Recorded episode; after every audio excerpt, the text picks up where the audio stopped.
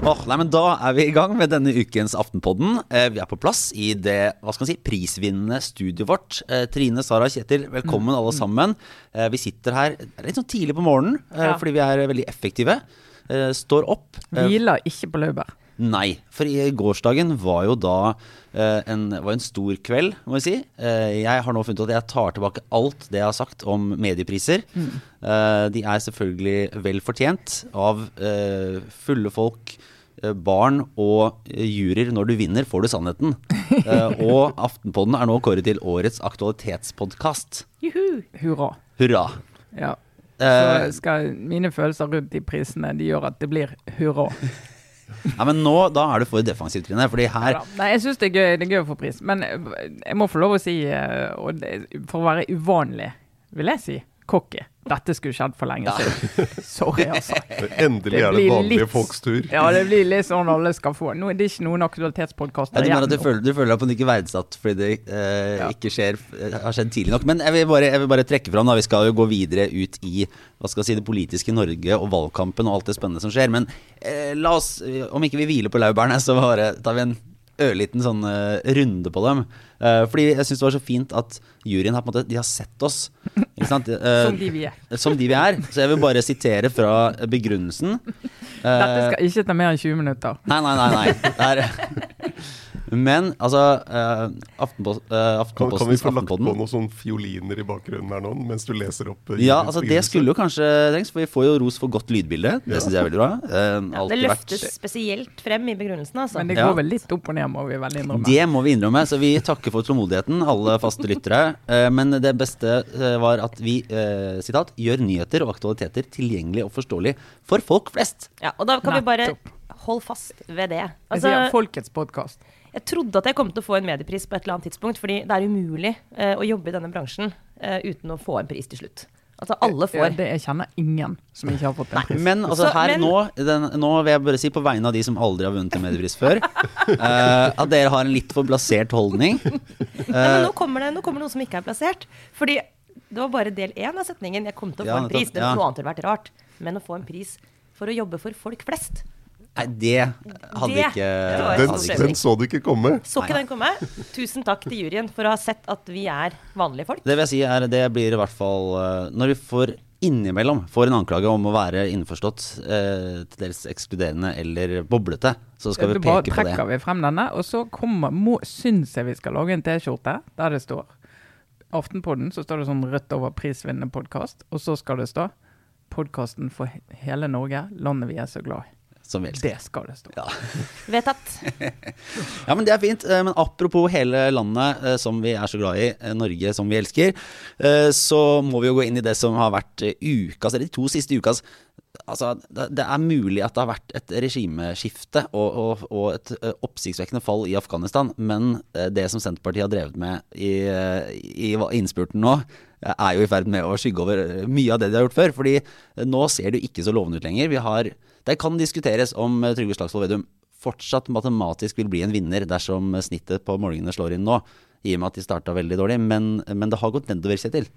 Det har gått nedover. Det er vel de fem siste målingene nå, så ligger de til dels godt under 14 Eh, Det er nede på 11-tallet og 12-tallet og 13-tallet. Og og det så jeg tror vi kan være sikre på at det er en trend nå, at de har uh, falt ganske mye. Ja, Fordi uh, Trygve Slagsvold Vedum starta jo når de, Da de første dårlige målingene kom, så sa han jo på en måte med rette egentlig at ja, men målinger går opp og ned. og Den ene dagen så er det 11,5, og den andre dagen så er det 17,5. og det ene er fryktelig dårlig, og det andre er fryktelig bra. Så det var jo vanskelig å kommentere. Men nå er det jo tydeligere en trend og noe som må være skuffende. Ja, altså jeg, jeg tror eh, altså Alle partier som har hatt en sånn vekst som Senterpartiet har hatt, liksom hatt veldig sånn vært opposisjon de facto omtrent frem mot et valg, eh, de opplever jo dette når det nærmer seg. Altså Det gjør de jo på et eller annet nivå. Eh, Da skjer det et par ting. Det ene som skjer, er at mange av de som har, når meningsmålerne har ringt, så har de sagt i protest mot sitt eget parti eller det de pleier å stemme på, så de er misfornøyde av en eller annen grunn, så sier de dette. Og Senterpartiet har også en vinneraura. Alle vil være en del av vinnerlag. Så mange har liksom Nei, det er de nå, det er de nå. Men du begynner å nærme deg valget, så er det en del av de som tenker ja, vet ikke helt. sant? Og så enten går de på gjerdet, eller så går de tilbake til sitt gamle parti. Og så har du jo det som alltid skjer når du nærmer deg. Vi har fått masse kritikk for at vi ikke har utfordret eh, Trygve Slagsvold Vedum mer eh, de siste årene. Hvorfor må han ikke svare? Det spørsmålet har jeg fått veldig mange ganger. Eh, nå må han svare eh, på store saker, vanskelige saker. Og så er jo en av de store sakene som han må svare på nå, selv om ikke, det er jo klima. Selv om du ikke er veldig engasjert i klima, så ser du da en politiker som ikke har veldig selvtillit på det området, og ikke svarer godt på det området. og Det kan smitte over på inntrykk av resten av politikken. Så er spørsmålet om For det er jo et helt sånn sammenfall i tid her, egentlig, mellom da FNs klimarapport og denne kollapsen til Senterpartiet. Men hvor, hvor sterk den sammenhengen egentlig er altså, Tryner de litt på hoppkanten nå fordi bare de store kreftene spiller seg ut, og det er litt sånn man egentlig kunne regna med? Eller er det faktisk helt reelt et skifte som kommer fordi Senterpartiet ikke er sterke på miljø, og det har blitt plutselig den viktigste saken for flere enn det var for bare noen uker siden? Men der Det er er det jo ikke ikke, så godt å vite. nei, nei, det er jo ganske det er forskjellige forklaringsmodeller. Og den klima Det er noen sånn i tallene som ikke helt tyder på at det er den mekanismen, da. Nei, altså jeg tror det spiller inn. eh, og jeg tror nok de, de har et problem med Du ser noen i Senterpartiet nå sier vi må snakke om den fine klimapolitikken vår. Vi har jo egentlig masse klimapolitikk i programmet. Tror det er litt seint. Det er for sent. De har ikke, det, klima har ikke vært viktig for Senterpartiet på flere år. Eh, Det som har vært viktig for Senterpartiet i klimapolitikken, er å angripe andres forslag til tiltak. Så de, de greier ikke å reparere det nå. Men når du ser, noe av det som var suksessen da Senterpartiet lå høyt oppe, var jo at de dro over tidligere velgere fra Fremskrittspartiet og Høyre. Og det er jo ikke sånn at tidligere Fremskrittspartivelgere nå forlater Senterpartiet fordi Senterpartiet ikke er gode nok på klima. Nei. Sånn at uh, jeg tror klima er en del av forklaringen, og, og bidrar litt til at de mister det derre uh, litt usårlige imaget som de har hatt. Men så tror jeg det handler også om, om, um, om det Trine var innom, og også det at uh, Vedum har jo vært opptatt av at vi vil snakke om sakene og ikke spill. Men så har han selv bidratt til at de har snakket masse om spill. Mm. Ved at han ble utnevnt som Egentlig hele, hele siste halvåret har jo Ja. vært en sånn uh, ulike posisjonsspørsmål. Ja, og den distanseringen fra SV, sånn at det er blitt um, Han, han har, han har liksom undergravd sin, sitt eget budskap om at de bare er opptatt av saker og politikk. Og det kommer til å bli en diskusjon hvis, dette her, hvis denne trenden er reell, og, og resultatet blir uh, veldig skuffende. Må, hvis, hvis de havner der nede hvor de ligger nå, så må det jo være en kjempeskuffelse i, i partiet. Da kommer det til å bli en diskusjon om den der runden på landsmøtet og den eh, beslutningen som, som alltid har vært altså, Som fremstår som litt sånn underlig, men altså det at de valgte å gjøre ham til statsministerkandidat. Og på den måten de gjorde det på, så var det nærmest en slags sånn kroning. Eh, som akkurat nå ser ut som en sånn klassisk eh, tilfelle av liksom, overmot. Om, ja, for det er sånn enten Jeg vet ikke om det var altså Det er vanskelig å si om det var grunnen, eller om det på en måte er en del av et, altså et større bilde som, som folk da ikke var så interessert i. Men det er et eller annet som bygges opp med sånn hybris, da. Ja. Og en, og, et, et bilde på nettopp den derre eh, Skal bli statsminister! Og så bare kurven greit nedover. Ja, uff, det, det, er jo ikke, det er ikke bra. Men noe, noe som har slått meg med Senterpartiet som er, altså De har jo, og det er lett å forstå det, de har satset veldig tungt på Vedum som profil. Det er partiets store profil, og det han trekker velgere. Sant? Og det har han gjort. det fantastisk velgertekke. Veldig flink i møte med folk, og jeg tror liksom han er den politikeren som fungerer kanskje best ute nå blant eh, blant velgerne. Men de andre i Senterpartiet, nå, det er bare han som bærer på en måte valgkampen. Litt Marit Arnstad. Mm. Eh, som for øvrig er blitt forbausende gretten. Gitt at det går så bra med Arbeiderpartiet, er blitt forbausende gretten. Og Marit Arnstad er jo en uh, ja, unnskyld, Senterpartiet. Er jo en veldig kul dame, men viser ikke det så ofte noen uh, viser vi skal snakke offentlig. Sånn at du har liksom en veldig sånn jovial fyr på toppen, men de andre partiene prøver jo å bruke f.eks. nestlederne sine mye mer aktivt. Sant? Altså SV de fronter Kaski mye.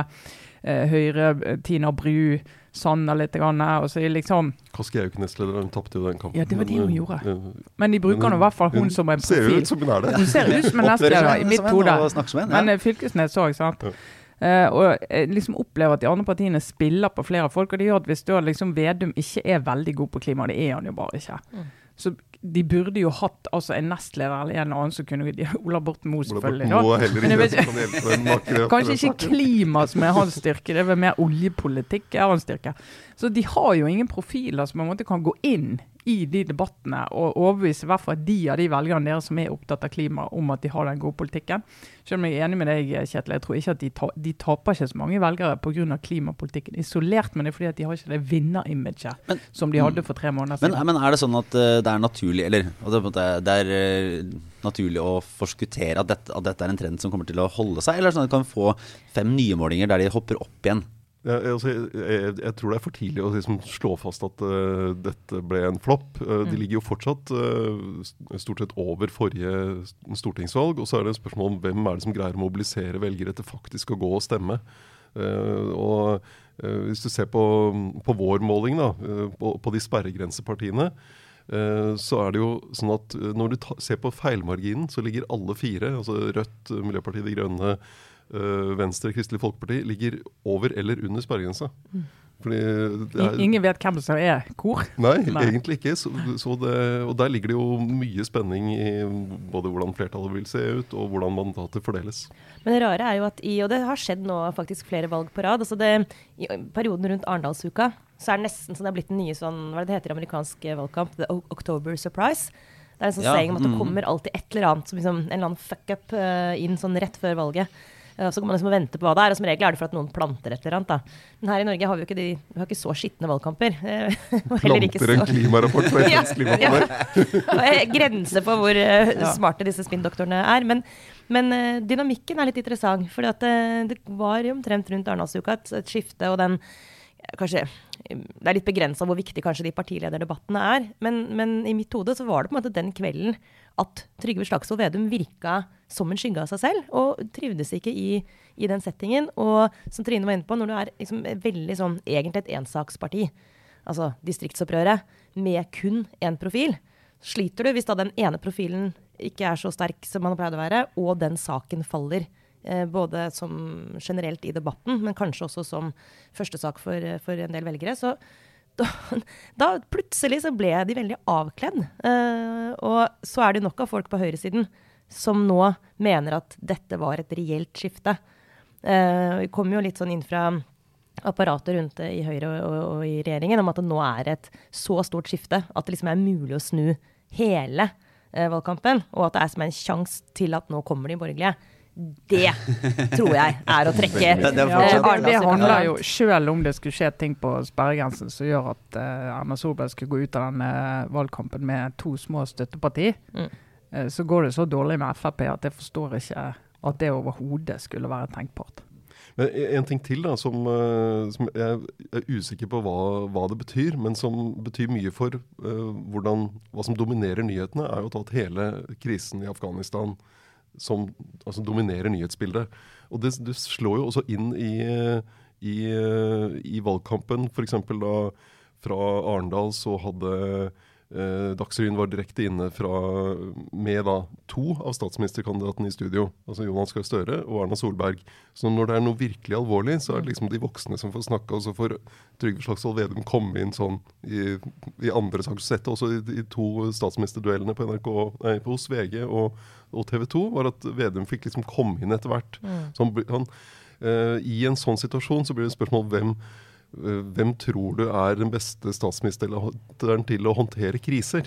Men det rare er jo, for det, det er jo helt riktig, men det rare er at jeg føler at vi egentlig ikke snakker så mye om koronahåndteringen i denne valgkampen. Vi, vi trodde jo, eller jeg trodde i hvert fall som tidligere i år, at det skulle bli den store saken, og at liksom Ernas eh, ettermæle kom til å være om hun håndter, hvordan hun håndterte denne krisa. Men det er akkurat som det har fisla litt ut. altså Det er litt sånn Verken på den ene eller andre siden. Hun blir ikke angrepet egentlig for eh, det som har gått gærent, men får kanskje heller ikke så veldig uttelling for det som har gått bra. Er dere enige med meg? Ja, Altså, jeg er enig. Jeg tenkte, jeg tenkte også at det var sånn, dette kom til å være definerende. Eller sånn, eh, jeg kunne ikke si så mye om valgkampen, fordi at hvor vi sto i koronapandemien kom til å ha så mye å si for Erna Solberg. Det ser ikke ut som det har hatt noen ting å si. Nei, altså, du merker at uh, de andre partiene har jo har egentlig valgt å ikke bruke håndteringen som valgkampsak. Sant? Så det blir liksom ingen diskusjon, blir ingen konflikt. Altså, de kan liksom si vi må, vi må ta tak i arbeidsledigheten. eh, som kom som følge av korona. Vi må gi, gi mer til de unge som ble, ble hardest rammet under korona. Du kan gå inn på det nivået, men de går ikke inn på det nivået til å si at vi, denne koronahåndteringen den var mislykket pga. sånn og sånn. For da tror jeg Erna Solberg kunne bare stått og banket ja, men se på Norge sammenlignet med andre land. Så det er ikke en god sak for de andre. Nei, og, det, og det er jo en, eh, Hvis du ser på partilederdebatten da i Arendal i fjor, altså da det var, ikke var Arendalsuke, men de hadde partilederdebatt der, så var, jo, var det jo mer kritikk uh, på vaksinestrategi bl.a. Og Mm. nå må vi sikre oss mer uh, vaksine. Så det er jo et Altså hvis de hadde hatt noe å angripe regjeringen på i koronasaken, som de mente at de kunne vinne stemmer på eller svekke Erna Solberg, så ville de jo gjort det. Men interessant også er eh, ja, Jeg er helt enig i det, men det er heller ikke fra andre siden. Eh, det brukes ikke veldig aktivt heller fra, fra regjeringshold eh, i valgkampen. Eh, enda de har jo veldig mye å være fornøyd med. Eh, og jeg trodde kanskje, og det kan jo fortsatt skje, men jeg har liksom sett for meg at den derre Mission accomplished Ja. pressekonferansen. Nå gjenåpner vi Norge. Ja, ja, ja. Skulle times. Og så er det liksom sånn Nå tar vi en pause fra valgkampen for å snakke om viktige ting og statskvinnesaktig og sånn, men egentlig Det kan hende å komme, Sara. Jeg, Ja. jeg tror du, det var en idé som kanskje nå ble Det var et godt PR-råd til Men på den annen side, når man tenker det, det bildet av Bush på det der krigsskipet med 'Mission Accomplished', som jo gikk ja, Mission helt til accomplished. Det er veldig vanskelig. Jeg kommer også tilbake til en uh, veldig god anbefaling i min OR i dag, som uh, plukker opp på den her. Bare et lite spørsmål. På, men velgerne stemmer jo ikke på partier av takknemlighet for Nei. det de har gjort. Nei. Nei, Men på, på eh, klimarapporten, bare helt, helt sånn kjapt, er det Dette kan jeg for dårlig merke, men er, altså, man visste jo at den rapporten skulle komme. Og i utgangspunktet så visste man at den rapporten det kom, altså, Det var jo ikke gode nyheter. Nei, det var jo ikke sånn at Nå er det eh, over, kanskje nå- det ja, kommer, ikke ja. sant? Mission accomplished. Ja, for det er sånn at den, så jeg bare lurer på om, om det var en sånn aktiv feilvurdering å ikke på en måte forberede seg på den. da altså for at det, mm. Med noe som, eh, som var en tydelig liksom kontra til, eller å være en sånn Å kunne vinne på det. For alle må jo ha visst at det kom inn og ble Altså, en stor sak. Eller, eller kunne det på en sånn- måte bare fisla ut? Ja, men de kunne hatt liksom, sånn- kanskje bare sånn tre talepunkter, da. Ja, men, men, men jeg tror det handler litt om hvilke partier som på en måte har hva skal jeg si, øret til bakken på akkurat den saken. Da. For jeg Ta Senterpartiet, som jo har hatt en fest med distriktssaken.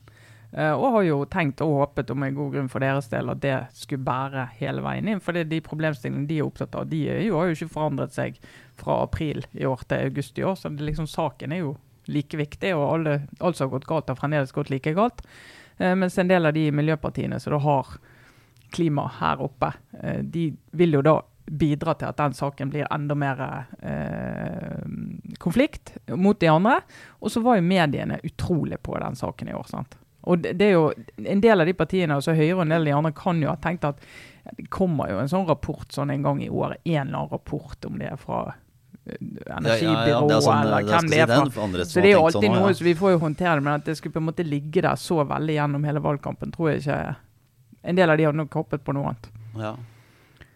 Det, det er i så fall en dårlig vurdering, men det kan godt hende at det er helt riktig. Altså sånn hva ehm, Men her er jo folk i, i bevegelse. Ja. Og Hvor fort går det? på en måte? Og Det er jo litt sånn som du skrev, Kjetil, at eh, det, nå må det bli årets viktigste sak. Og som du kommenterte, Lars, at den kommentaren har jo vært skrevet en gang hvert valg de siste 25 årene. Altså, Eh, mens, så mens ble nå, det sånn. Ja. Og så er jo folk er jo litt sånn seige når de forflytter seg på disse sakene, hva som engasjerer dem mest. Men nå klima, og det er jo fordi de får begynne å kjenne det på kroppen og se det. sånn. Så Og i og så har tillegg- du fått en sånn spisset del av den debatten som handler om eh, norsk oljepolitikk og leting og sånt, som, ja. med konflikter på, på begge sider. Og, så Ja, det- der var jo du i Stavanger og selveste oljehovedstaden eh, Ja, ja, denne uken, ja. Kjetil? Mm, Ja. Det var fint. Men jeg gøy. tror, før vi kommer til, hvis vi skal innom Stavanger igjen, at også mer sånn mentalitetsmessig, da, at i tillegg til alt det du nå sa, som nok spiller inn, unnskyld, så har vi jo vært gjennom et halvannet år hvor vi liksom har stirra liksom, sivilisasjonens undergang litt inn i hvitøyet. da. Altså, jeg, jeg tror at det, Nå er vi bare over på sånn hvordan man føler tidsånden, så jeg vet ikke hvor presist det er. Men jeg oppfatter veld, veldig sånn sterkt at uh, den der uh, uskyldstiden bare, den er over nå. Og med pandemien, selv om det er en annen type problemstilling, så plutselig var vi i en situasjon hvor liksom, samfunnet slik vi, vi kjente det, var i ferd med å, å gå litt opp i limingen. Og det var en reell eh, sivilisasjonstruende krise som plutselig ble kastet på oss. For meg har i hvert fall det også gjort noe med også hvordan jeg tenker rundt klimasaken. For Jeg har hørt ganske mange ganger i løpet av det året at det var Ja. sånn Ja, men når vi gjør alt dette her for å redde oss fra pandemi, på en måte Mm. eh, Tenk hvis, eller når vi må eh, endre like mye for å møte klimakrisa. Jeg tror det er en del som har tenkt i den baner. Men du var jo Men, men du, kunne ja. fått en, du kunne fått en annen effekt. da At altså, nå, nå er vi lei av, av nedgangs... Eller sånn undergangstilværelse. Ja, og så er det jo litt de som sitter og sier det, at dette viser hvor at vi, at vi klarer å ta grep men vi må. Det er jo ikke de som mistet jobben i pandemien som sitter og sier Nei, nei, nei, ja, nei, jeg var- har ikke jobb, men eh, OK, jeg ofret meg, og hvis det sånn. kommer en klimakrise, så ofrer jeg meg igjen. Sitter jeg Altså. på hjemmekontoret og ofrer meg. og Ja, jeg sitter på hjemmekontoret. hjemmekontor. Klart jeg kan sitte på hjemmekontor noen tid, en tid til og ikke kjøre bil til jobben for klima. Det er klart jeg kan det. Det blir litt De kan, det, tok, ja, det var ikke mer prisutdeling, men sånn- det var, det var andre sånne som meg som sykla på elsykkelen uh, ned til Oslo sentrum med sykkelhjelm og dress og Ja. Living the- living the brand. Men, men jeg må bare sånn uh, svogerforskning, i hvert fall i min omgangskrets, for nå har du begynt å møte folk igjen, så jeg merker jeg et skifte, og vi er jo da rundt 50 i min omgangskrets. Uh, og jeg har aldri hørt så ofte så mange liksom si Nei, nå klima det er det viktigste for meg nå. Det, vi, Mm. må liksom, vi må gjøre noe drastisk. De er helt sånn, og har sånn der, eh, ja, skikkelig alvor i Ja. samtaler. Men det har kommet inn et annet alvor, men det tror jeg er helt reelt. Og det kan slå ut på forskjellige måter. Men uh, i vår generasjon, vi som er rundt 40 da, så, så har det liksom aldri vært uh, Det har aldri vært alvor. Det må vi bare innse. Har aldri vært alvor. Så ble det det nå. Altså, det, er, eh, det er et eller annet stemningsskifte Så som nå- kanskje har vært undervurdert, da, fordi det også kan slå ut på andre ting enn bare sånn pandemihåndtering. Det blir spennende å se når en vennegjengen din melder seg inn i Extinction Rebellion og Da, lenker seg fast i da er de vi ferdige med å være venner. Da sier jeg gå og Men har du ikke et annet altså, sted å leke. ja, Hvorfor er du så kritisk til de? De er jo, viser jo engasjement for, eh, for, for verdens viktigste sak. Ja, sant. Det er det de gjør. Og så får de med alle de andre som er opptatt av verdens viktigste sak, å tenke det der, der laget der skal ikke jeg være på. Og bare ikke, ikke nærme deg, sant. For det Nei, vet du, sånn som det der. Unnskyld meg. Altså når Extin Extinction Rebellion hadde De har hatt aksjoner i Oslo nå de siste dagene. Eh, veldig tydelig. De har stopp, stoppet trafikken og lagt seg sånn død, jeg spiller død i, i veibanen og sånn. Eh, og det er jo noen av oss som er sånn på vei til og fra jobb. Jeg prøver på en måte å tenke sånn Det er et slags ungdommelig engasjement og sånn. Eh, og liksom ikke bli helt bare sånn totalt rasende over disse Nei, jeg blir ikke rasende, jeg blir bare sånn Kanskje du heller melder deg inn. Det mener jeg. Meld inn i et parti, gå og stem, jobb gjennom de kanalene. Og alle som begynner med sånn Demokratiet virker ikke. Vet du hva? Jeg bare, hør podkasten om eh, Stalin, ja. sier jeg bare. Hør podkasten om Stalin sånn som jeg har gjort, og så sier du ikke 'demokratiet virker ikke'. Du hvis- går inn og jobber i demokratiet. Det er det du gjør. Og hvis du skal bekjempe eller redde noe, så bare vær så snill, ikke gjør det med sånn frijazz. Altså, det, det, det er egentlig bare sånn Dere kan godt sperre gatene, det går bra. Jeg kan, jeg kan gå over eh, sånne folk som ligger i, i veibanen. Men bare, det var helt reelt i Spikersuppa her i Oslo i løpet av uka. Altså at de hadde sånn jazz. Eh, Men Pantomime, det, det hjelper. Heller Det er iallfall stille. Jazz eh, mot uh, forurensning. Det, der gikk grensa. Sorry. Altså, det er jo mange miljøorganisasjoner som har brukt sivil ulydighet i dette landet. opp Du igjennom. har det, eller? men, men forskjellen er jo at de, de organisasjonene er jo koblet opp mot det politiske systemet Ja. og prøver å påvirke i konkrete saker, mens Extinction Rebellion kommer litt sånn det er litt sånn retningsløst. Ja. Det er sånn, Nå er det kjempekrise, noen må gjøre et eller annet. Og det, det Ja, men det virker så naivt, sant? for jeg, jeg er jo helt enig med det som Ja, Natur og Ungdom, da, som du har uh, fortid i. Altså, de, de jobber jo veldig klokt politisk, og de har jo en sånn eh, Når de stiller opp, så er det knyttet til at en eller annen stortingsmelding skal legges frem, eller altså, et eller annet skal skje som gjør at de, hvis de er der, så får de den snutten på Dagsrevyen. De får liksom de bildene når de konfronterer statsråden. Altså, det er litt sånn mye mer effektivt i mitt hode, da. enn det Men, der, men her, ja, så er jo uh, argumentet at de på en måte skal, altså må skape oppmerksomhet, er med på å liksom, dytte opinionen på et eller annet vis. da. Men, men da tenkte jeg bare interessant å høre litt fra, fra din tur med, med Lan Marie Berg til uh, oljehovedstaden Stavanger. For liksom, hvordan er det Det er jo et slags barometer da, på, tenker jeg, på hvordan den klimasaken er politisk nå. Men hun gikk, jeg vet ikke om hun reiste til de som eh, var minst enig med henne? Eller som hadde holdt seg trygt i, i grønne, I grønne favnen, liksom. Ja. Ja, nei, hun, øh, Det var jo ikke en tur der hun oppsøkte en, øh, motstand, øh, må jeg kunne si. Men det jeg syns var interessant da, da hun møtte ja, det var en ganske liten forsamling, for så vidt, men på Folken i Stavanger, med unge studenter og sånt som ville høre om, om MDG. og, og Utenfra så kan du altså det, MDGs måte å snakke på kan det ligne litt på Extinction Rebellion. Liksom, nå er det panikk og krise og sånt. Men noe av det eh, Lan Marie Berg la vekt på i det møtet, var at, å vise til den styringserfaringen de har gjennom seks år i Oslo. Og uh, hva folk trodde at de kunne få til, og hva de har gjort. Uh, og, og, bekreftelsen på at MDG har fått til ting i byen, uh, gis jo av alle de som blir så sinte på det de har fått til, med Ja. sykkelfelt og, og Ja, sånne ja, ting. Sånn at uh, det er jo en helt, det er en helt annen måte å nærme seg det på. da. At du går inn i politikken og faktisk prøver å, å gjøre noe. Så Det, det syns jeg var interessant å, å høre. Ja, eh, og har, eh, har resultater å vise til. Og har også da liksom det som når man søker jobb heter dokumentert evne til å, osv. Og, og her snakker vi om dokumentert evne til å faktisk inngå samarbeid. Sant? For det også har jo, er jo ikke så rart egentlig, da, men det hefter også litt ved MDG at de, de på en måte har en sak og koste hva det koste vil, og ikke fremstår som alltid så dialoginteressert, kanskje. Men, eh, men i Oslo har de vist at det, det, har, det, jo, det har jo fungert. Og de har jo eh, egentlig et veldig sånn Altså det samarbeidet, det er sterkt og godt. Og det, det tenker jeg at de bør få litt altså det, det viser at de er på et annet nivå enn en de er ikke bare rebeller, liksom. De kan også politikk. Men det blir også sånn som da hun, hun var jo også utenfor Universitetet i Stavanger uh, og for å si at vi bør legge ned olje- eller petroleumsstudiene. Eh, det, var mer, det blir mer sånn posering, for hun var jo ikke da, var jo ikke da interessert i å snakke med, med rektoren som kom ut om hva de faktisk gjør med det studiet. Eh, nemlig at de har utvidet det, fått inn fornybar energi. Eller hvordan skal du, hvordan skal du få til karbonfangst og -lagring i, uten å ha den kompetansen som ligger i oljenæringen? Det er de som kan de reservoarene og kan hele den teknologien. Eh, så ja, det blir, det blir sånn Det fremsto litt lettvint, akkurat det.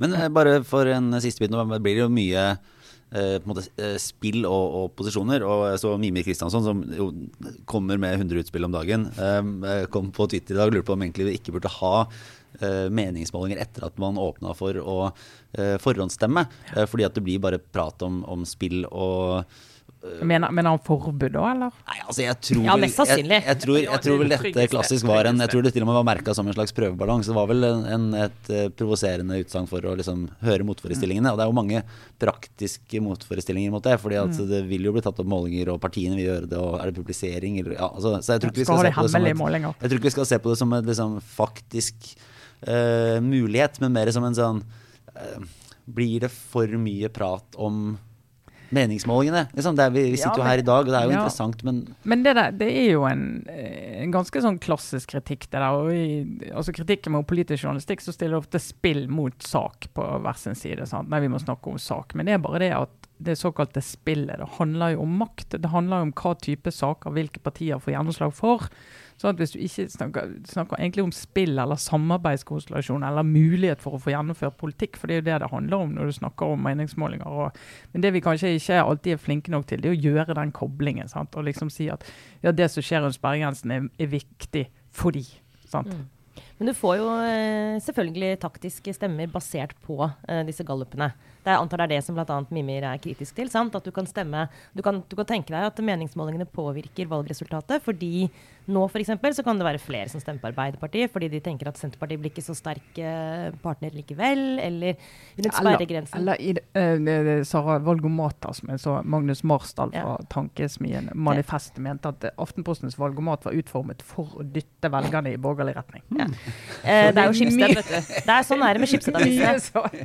Det er mye som skjer. Jeg kan også personlig si at valgombater fører jo til enorme Livskriser. livskriser. Eh, altså, hvert, Annethvert år så, så kommer det skjermdom til dere tre fra meg, og jeg er sånn Det skjedde igjen, å nei. Å nei, jeg er KrF-er for tredje år på rad. KrF er så vanskelig å få ned i valgomatene. ja, er- Men nå snakker jeg meg bort, men altså, det er the struggle is real. Altså sånn, Å ikke få de som er av de fire øverste kan være krevende. Men meningsmålinger Poenget er at det som, det som er greia, er at ja, det kan godt hende at meningsmålinger påvirker eh, valgresultatet. Men punkt én, det er umulig å vite, fordi eh, det er en form for undersøkelse som Det er et forsøk på å spå framtiden. Men det øyeblikket man gjør det, så forandrer man kanskje også framtiden. Ja. Mm. Og det Det er litt er sånn som FHI sine prognoser og fremskrivinger. Når de Ja. sier at eh, hvis ikke vi gjør noe nå, så kommer så mange til å ligge på sykehus om to måneder. Og da tenker folk nei, men da må vi gjøre noe. Og så sier de nei, da blir det ikke så mange som ligger på sykehus som tommer. Nå kan jeg bare si eh, altså den, den eh, eh, verdens mest sånn halvveis siterte bok, eh, i hvert fall i visse kretser, altså eh, 'Sapiens' av Harari, som alle i en viss kulturkrins har lest, eller har later som de har lest, eller har prøvd å lese. Jo da. Mm. Han skriver veldig klokt om dette. Eh, fordi det fins en egen type, under, altså egne type undersøkelser, sånn som meningsmålinger og framskrivninger, som påvirker det de skal beskrive. Eh, og det gjør at du egentlig aldri noensinne klarer å beskrive det helt reelt. For du vet ikke om selve undersøkelsen i seg selv gjør at bildet endrer seg. Men det er ikke grunn til å la være. Fordi, eh, og tilbake til journalistikken. da, Hvis vi ikke skulle hatt meningsmålinger, så hadde vi også risikert at vi rett og slett ikke fanget opp hva velgerne helt reelt er opptatt av. Og at vi fortsatte? Ja. i bobla, helt uten kontakt med virkeligheten. Det hadde i hvert fall ikke vært et godt alternativ. Da hadde vi garantert gått i Da hadde selv jeg vært kritisk til Oslo-bobla, tror jeg. Ja, og så skal vi si Senterpartiets vekst, da. Bare Ja, ja. siden de stakkars blir knaga på mye av dette her. Så den kom, jo, den kom jo på en måte litt sånn nedenfra. Altså det, det spørsmålet om altså å ta den sentraliseringsdebatten på alvor, om du vil. Eh, det skjedde jo også fordi man så at Senterpartiet plutselig liksom får en eh, eksplosjons, eksplosjonsart av vekst i, på meningsmålingene. Men tenk deg bare, at det er jo også Ja ja, nå blir jo forsvar for vår egen posisjon her, men Unnskyld, den, den, eh, det er jo litt sånn at eh, med målingene nå f.eks., så er jo målingene gjør jo at MDG blir mer relevant, og spørsmålene til Senterpartiet om hvem de skal styre sammen med, f.eks., er jo helt annerledes. fordi du, de går jo potensielt inn i en sånn regjeringsforhandling med mye mindre makt. Og hvis de er på 13, skal de da fortsatt sitte og si at de ikke skal styre sammen med SV? Skal de på en måte tvinge seg inn i en sånn veldig altså en liten mindretallsregjering med Arbeiderpartiet? Det er jo har de, Det høres jo veldig rart ut, men har de, de, har, de holder fortsatt på den linja si? Nei, de må, de må nesten de kan nå. ikke endre på det nå. Det er for sent. Men, for sent. eh, men det gir jo en helt annen eh, sammensetning av eh, altså, med, med, sent, med Arbeiderpartiet kanskje dobbelt så store, eller nesten dobbelt så store som Senterpartiet. Så det er jo en utvikling som gir en større selvtillit i Arbeiderpartiet i sluttspurten av valgkampen. Men for en valgkamp. Dette er jo, eh, er jo hvis man kan tillate seg å være sånn jeg synes det er gøy, da. At det er kaos. Det syns vi jo. Det må være lov å si. Det er spennende, Ja, ja. det er det Det er Ikke veldig, kaos, ja, det er nettopp, ja. spennende. Spennende. Takk, Trine. Må liksom øve seg litt på å fremstå som eh, ansvarlig her. Men eh, det er jo et drama nå som vi ikke, eller i hvert fall ikke jeg, da, forutså for uh, på, på andre siden av sommerferien. Det er mye mer åpent enn vi trodde det kom til å være. Ja, og det sånn Litt drama og litt spenning og en del meningsmålinger det bidrar jo til å trekke folk til valglokalet. sant? Det gjør jo at Folk Skaper tenker at det er noe på spill, det er noe, og de blir mer engasjert. Så jeg tenker Hvis vi liksom kommer på valgdagen og har klart å dytte flere ut av den sofaen og inn i valglokalet, så gjør ikke det noe. Men tror du det hadde Ok da, bare for å ta dette her inn i den teoretiske verden. Nå driver jo veldig veldig mange og forhåndsstemmer, og egentlig så er valgdagsmålingen, det, som, eller det som kommer på, på kvelden når valglokalene stenger på valgdagen, eh, da summerer de opp forhåndsstemmene, i hvert fall eh, veldig veldig mange av dem, eh, og gjør måling, og så setter de det sammen. Og så har man jo i de siste valgene så har man i praksis visst resultatet med en gang. Burde vi hatt altså en uke eller to dager før valget at man fikk se forhåndsstemmetallene? Uh.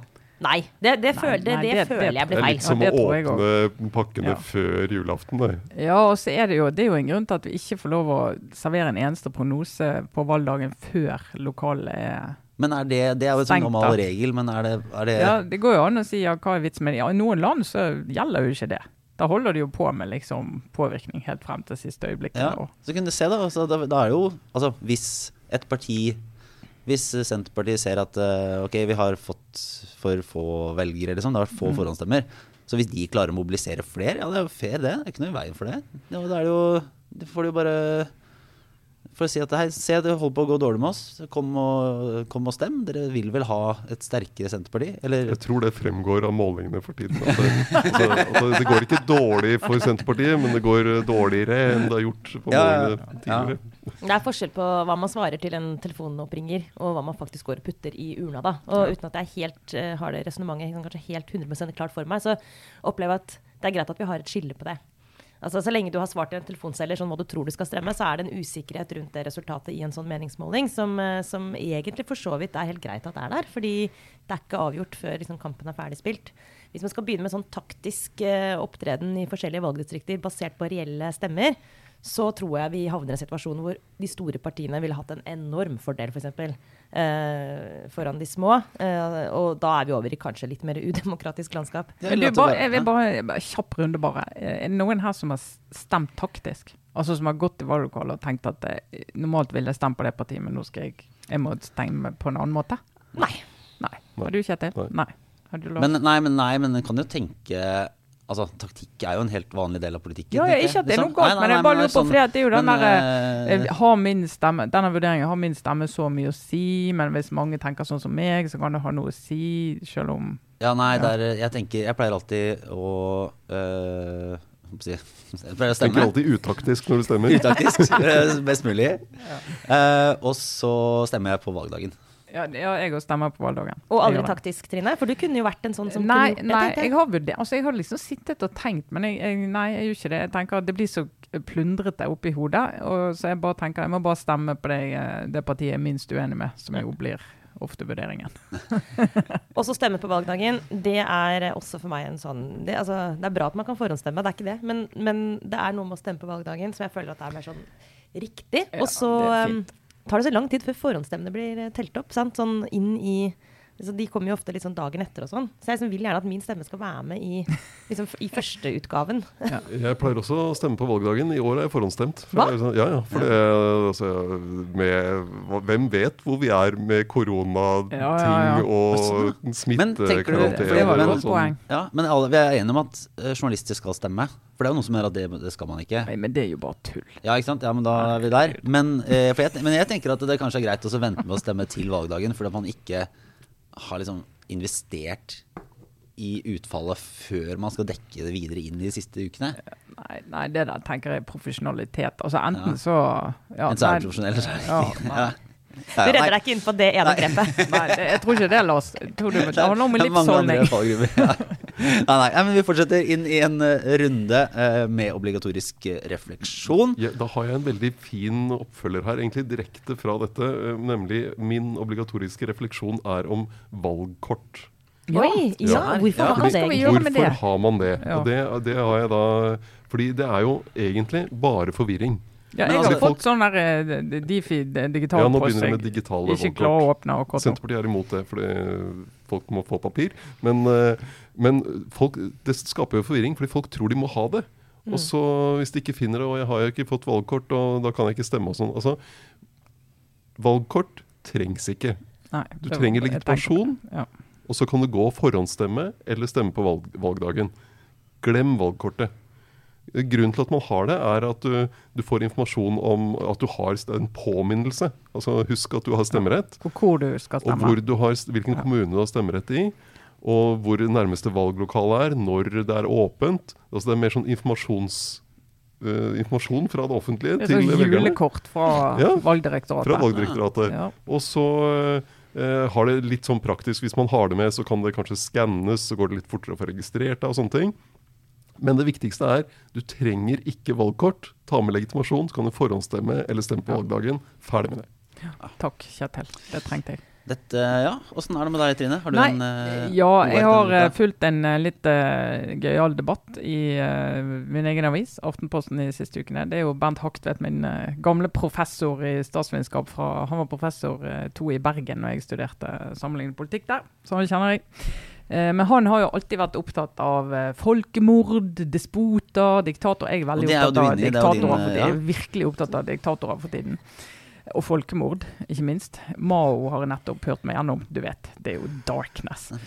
Men eh, hans poeng, altså, han eh, tar tak i dette Solstad, Dag Solstad-jubileet. Eh, og alle omskrivingene av han, og mener at liksom, det blir underspilt av denne si, kommunistiske flørtingen og liksom koketteringen med kommunismen som Dag Solstad og en del av hans generasjon fremdeles driver med. Da, Ja, for det var et intervju nå nylig der Dag Solstad ble spurt om, om Ja. på en måte Om kulturrevolusjonen altså, og, og folkemord i, vel, da i Kina. Ja. Der han var litt sånn eh, løst sitert Du må knuse noen egg for å lage omelett-tilnærminga. Eller var litt sånn Det er jo Det var en kamp. det, det er jo revolusjonstilnærmingen. sant? At det, Ja. det, det går, Du må liksom ofre litt for å nå noen mål. og Om det er en 10-12-20-30 millioner mennesker, så så lenge målet blir nådd, så, så, får vi leve med det. Det er jo på en måte det som de første tiårene av vårt og forrige århundre handlet om, sant? Mm. med de store revolusjonene.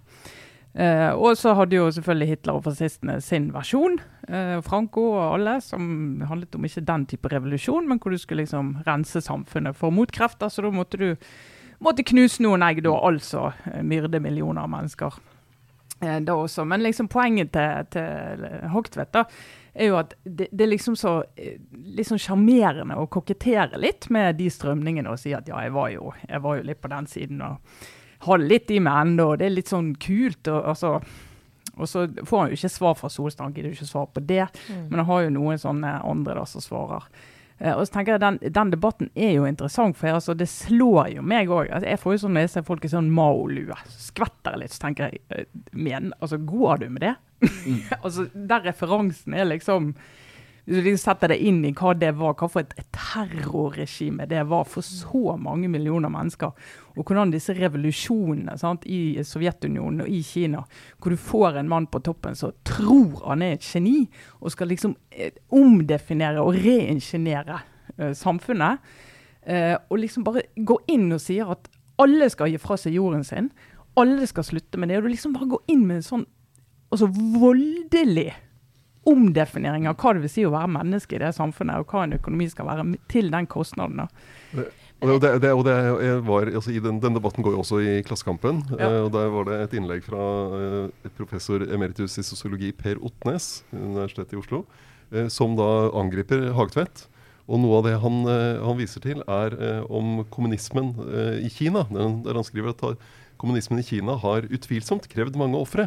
Men deretter har Kina løftet en milliard mennesker ut av fattigdom og uvitenhet. Mm. Som jo er et helt fantastisk uh, resonnement å komme med. Altså, uh, førte de en politikk som tok livet av millioner av mennesker. Det store spranget og kulturrevolusjonen. Og, så da, sult, og da de sluttet å undertrykke mennesker og innførte uh, friere økonomi og kapitalistiske prinsipper, så det var ikke sånn at kommunistpartiet da løftet folk ut av fattigdom.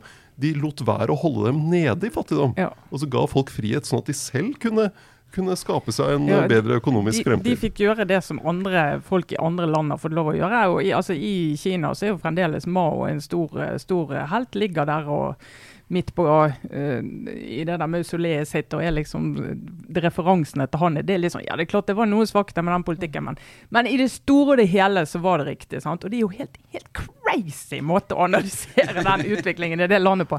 Men det som er litt sånn forstyrrende, da, det er liksom den der aksepten for å flørte med de der strømningene. fordi at det var liksom ikke så ille som fascismen. sant? Og så kan du si ja, men kommunismen Marx skrev jo aldri at du skulle slakte 10-20-30 millioner mennesker, eller la store deler av befolkningen din sulte i hjel. Faktisk sulte i hjel fordi du ikke klarte å skaffe dem mat. og Nord-Korea er jo et lysende eksempel. Eh, han sa jo aldri det, så ideene trenger ikke være Nei, ideene trenger ikke være men du må liksom utrolig tydelig si at uh, dette her, det var et av de største mistakene i historien eh, til menneskene. Og en del av det tankegodset, altså det når du virkelig skal inn og gjøre revolusjon da, på den måten som en del av disse tenkerne mener. Så selv om ikke det er tanken i utgangspunktet, så ender du der. Du mm. ender faktisk i folkemord. Men den koblingen du gjør nå, sant? det er en av de tingene som man ofte eller innimellom ikke gjør liksom, ute i hva skal kalle for noe, kultur. Altså debatten på liksom, kulturvenstresiden, eh, hvor jeg jo har vandra rundt i mange år av mitt uh, yrkesliv. og uh, det finnes også veldig mange som diskuterer ting på en helt annen og bedre måte. Men en av tingene som gjorde meg så matt eh, da jeg jobbet som kulturjournalist, eh, er at det er en del og Det er typisk sånn, du vet, sånn forfattere som skriver under på et opprop eh, mot en eller annen krig et eller annet sted. Altså, det, er en sånn, det er en aksept for å frigjøre seg fra en del realiteter. Uh, og det du ramser opp nå, Trine, er jo nettopp liksom, de, de, grusomme realitetene som disse regimene sto for. Altså dette skjedde i virkeligheten. Men det er likevel en aksept for at en, så, en forfatter som Dag Solstad kan tillate seg å være sånn Ja, men det er en litt sånn, et litt gøyalt uh, ståsted. Uh, og du kan, du kan, flørte litt med det fordi kapitalismen er, er, så dum, og forlagene er så teite, og vi får ikke lenger liksom, lov til å få så mye vin vi vil på forlagsfesten. Altså, dere aner ikke hvor små temaer som kan prege uh, diskusjonene i disse miljøene. Og den litt sånn Det å tillate seg å være så virkelighetsfjern, mm. det kler ikke så oppegående, smarte mennesker. Eh, Nei, du, det må, slitsomt. du må i hvert fall kunne snakke med ordentlig om det, tenker jeg. Så Ja. om du mener at full fordeling og alle skal ha likt, alt er helt greit, men du må bare skjønne at for å komme dit, så må du ofre en del ting, og det må du greie å sette ord på hva det er. Eh, Åssen er det med deg, Sara? Har du en eh, obligatorisk refleksjon før du må løpe av gårde og holde et eh, foredrag om ytringsfrihet? Det er, det er litt tøft tiden vi liv. lever i, Ja. Tøft liv. Ja, men jeg kan egentlig bare lufte det som et spørsmål, fordi kanskje noen lyttere kan hjelpe meg, så kan vi løse det neste uke. Eh, men dette er en sånn helt reell ting jeg sitter og baler med på jobben nå, som er en vurdering. Og det er tatt litt kort nå, da, men, men tilbake til korona og situasjonen vi befinner oss i. I natt, natt til torsdag så var det en ny smitterekord i Norge. Det har aldri vært så mange som har blitt smitta av uh, covid på ett døgn i dette landet. Og det er jo en nyhet. Eller det har i hvert fall nyhetsverdi å fortelle om. Samtidig så er det jo, som dere vet, nesten ingen på sykehus. Og um, den generelle situasjonen i samfunnet er nå sånn, altså, Det er ikke lenger rødt nivå. Den store knappen er ikke trykt inn lenger. Liksom, ting, ting går bra. Og egentlig har jo myndighetene sagt at nå er vi, vi er over det verste. Ja. Det jeg sitter og tenker på, er liksom hvordan vi skal klare å bidra til å få fram det poenget liksom fra vårt ståsted eh, som medier. da. For vi fortsetter å melde disse smittetallene, og det er jo helt eh, relevant informasjon. Men 1400 smitta høsten 2021 er noe helt annet enn 1400 smitta våren 2021. Um, og det jeg går og grunner litt på, det er hvordan vi kan bidra til at en befolkning som i over et år har blitt veldig, veldig tydelig fortalt at dette her er veldig, veldig, veldig, veldig farlig. Sant? Veldig mye av koronahåndteringen handlet jo om å banke inn det alvoret. Du må ha på deg den maska. Du må holde hjemme hvis du er sjuk. Altså, og det lyktes man jo med i Norge. Folk ble, tok det på alvor. Og veldig mange, tror jeg, vil jeg anta, ble også veldig, veldig skremt. Og nå er det noe som har snudd. Nå er jo beskjeden fra myndighetene sånn Ta det med ro. Dette går fint. Du går på skolen. Du trenger kanskje ikke munnbind. Det er grønt nivå. Hvordan i verden skal man klare å snu den mentaliteten når det sitter 100 000 av mennesker og er kjemperedd? Og jeg ser nå bare også tilbake til litt svogerforskning. altså I min egen eh, omgangskrets og på skolen til ungene og sånn, så er det mange foreldre nå som er veldig, veldig redde for skolestart. Mm. Veldig, veldig redde for om, om myndighetene ivaretar barnas eh, trygghet. sant? Fordi de er redd for at de skal bli sjuke. Det er utrolig oppoverbakke for helsemyndighetene nå. være sånn, ja, men det Ja, det, bra. ja, det tallet der som er veldig høyt, det betyr ikke så mye. Ja, altså, alt dette, ja. altså det å snu den altså, Det er jo en hvis, hvis vi nå faktisk må venne oss til at dette viruset skal være ute i befolkningen, og vi har bestemt at samfunnet ikke lenger skal lammes, ting skal tilbake til normalen, dette er som en forkjølelse, eller hva Men det nå, er- nå er vi litt på det influensavirusnivået. sant? Ja. Det skal mange ha. Ja. Uh, og Mener du at, få mener du at eh. Aftenpodden fikk rett til slutt? vi kom jo, vi kom jo med litt sånn uh, litt, Kanskje litt kjappe spådommer og analyser der Ja, før det traff verden. Veldig Jeg vil si antikunnskapsbasert. Ja. Det var, det var ikke så mye kunnskap. Ja. Neida. Men, men hele forskjellen er jo at så mange er vaksinert. Mm. Og, hvis vi, og da må vi liksom prøve å minne folk om hvorfor det har vært så krise. Og det er jo fordi at det at ingen var vaksinert og få var vaksinert, gjorde at flere kunne dø. Sant? Men nå er det veldig få som kan dø, og derfor det sykehusinnleggelser er jo det tallet vi må følge. Mm. Det er det som er viktig. Og så gir det må- sånne praktiske konsekvenser da, for, eh, med alle, hele testregimet i, i skolene. Altså, det, jeg har ikke ord. Det er så kaos på skolen nå. Det, det, er et sånn klassetreff utenfor disse teststasjonene. Sånn en gang i uken står de i lang kø, tett i tett. Står de i kø for å få disse her hurtigtestene. Så bare å konstatere at eh, Vi skal gjennom en sånn helt enorm mentalitetsendring. Ikke, altså, vi i mediene må tenke litt på hvordan vi må, vi må endre sannsynligvis litt av formuleringene våre og, og helt konkret i journalistikken rundt det. Men, men liksom, myndighetene som har, de har altså, det er en, dette er en kommunikasjonsjobb av de helt sjeldne. Altså det er, kommer til å bli en periode nå hvor det er veldig veldig vanskelig, hvis da vi skal over i en annen fase. Hvordan i all verden vi skal klare det. Ja, men men så tenker jeg Vi må jo høre på hva de har sagt hele tiden. Og de har jo sagt dette. At vi kommer til et punkt når så mange er vaksinert, så må vi leve med at det viruset finnes. Og det må på en måte brenne ut av seg sjøl, for det er det sånne virus gjør. Og pluss at du, og hvis det ikke gjør det, så vil du ha det med deg i noen år. Det muterer, og du må liksom ha den vaksinen. Kanskje må vi vaksineres hvert år, hvem vet. Eh, Men at du må liksom klare å leve med det på en annen måte. Så lenge du klarer å ta vare på de som kan dø av det, og som kan bli alvorlig alvorlig syke av det. Men det er, en utrolig, det er jo en jobb for oss, ikke minst, å prøve Mm. å forklare hvorfor det som var kjempefarlig for et år siden, ikke er like farlig nå. Og det er, Hvis ikke vi får til det, så får vi ikke samfunnet i gang igjen. Ja, men det, det ja, men det- ja, får men det er vi også til. en Vi sånn- får til det. Ja, men det er også en sånn hvordan håndtere samfunnet risiko. ikke sant? Vi, det er jo sånn at noen dør av influensa. Ja. Eh, Men vi aksepterer at vi har ikke liksom nedstengning av samfunnet hver høst for å unngå at noen dør av influensa.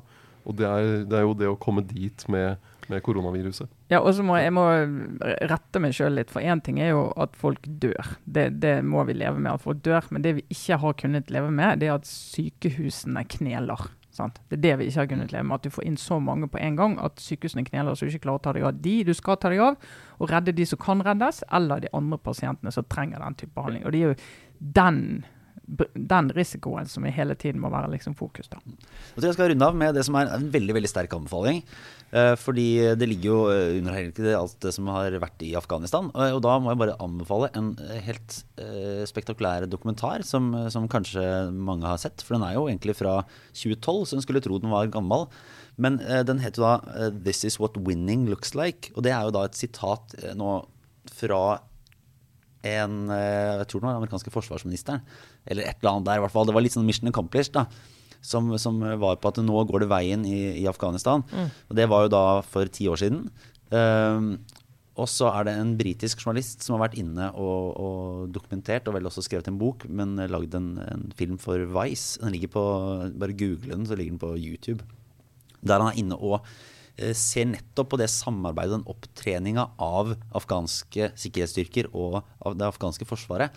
Eh, og han ser jo da at virkeligheten på bakken er jo helt annerledes enn det som eh, både politikerne snakker om og det som rapporteres oppover. For der er, det, der er, det, jo helt kaos og eh, desertering og fram og tilbake og Taliban den ene dagen og politiet den andre dagen. Og som er bare Uh, nå vet man jo mer om hvordan det har gått, men det var et ekstremt godt bilde og veldig sånn god dokumentasjon på hvordan det bare falt fra hverandre. Hele dette liksom nettverket da, som man har skrytt utad fra, fra, politikere og oppover i systemet av ulike sånne kanaler for å liksom rettferdiggjøre det man driver med og prøve å forklare hva man holder på med, og at det er liksom kapasitetsbygging. Og, uh, og så er det jo da en gjeng det gjelder sikkert ikke alle, men i hvert fall her en gjeng med sånne rusa, tilfeldige innhenta folk som, som eh, bare altså, driver med alt annet. Prøver å leve livet sitt, har havna opp i en krig. Må ta stilling hver dag til om man liksom skal eh, ha tillit til de internasjonale styrkene eller til da Taliban. Uh, og spørsmålet blir jo mer sånn praktisk uh, for hvem som står i hagen din med et gevær. Og den, de følger du. Og, mm. og, sånn har det jo vist seg at det ble. Så den er uh, interessant å se.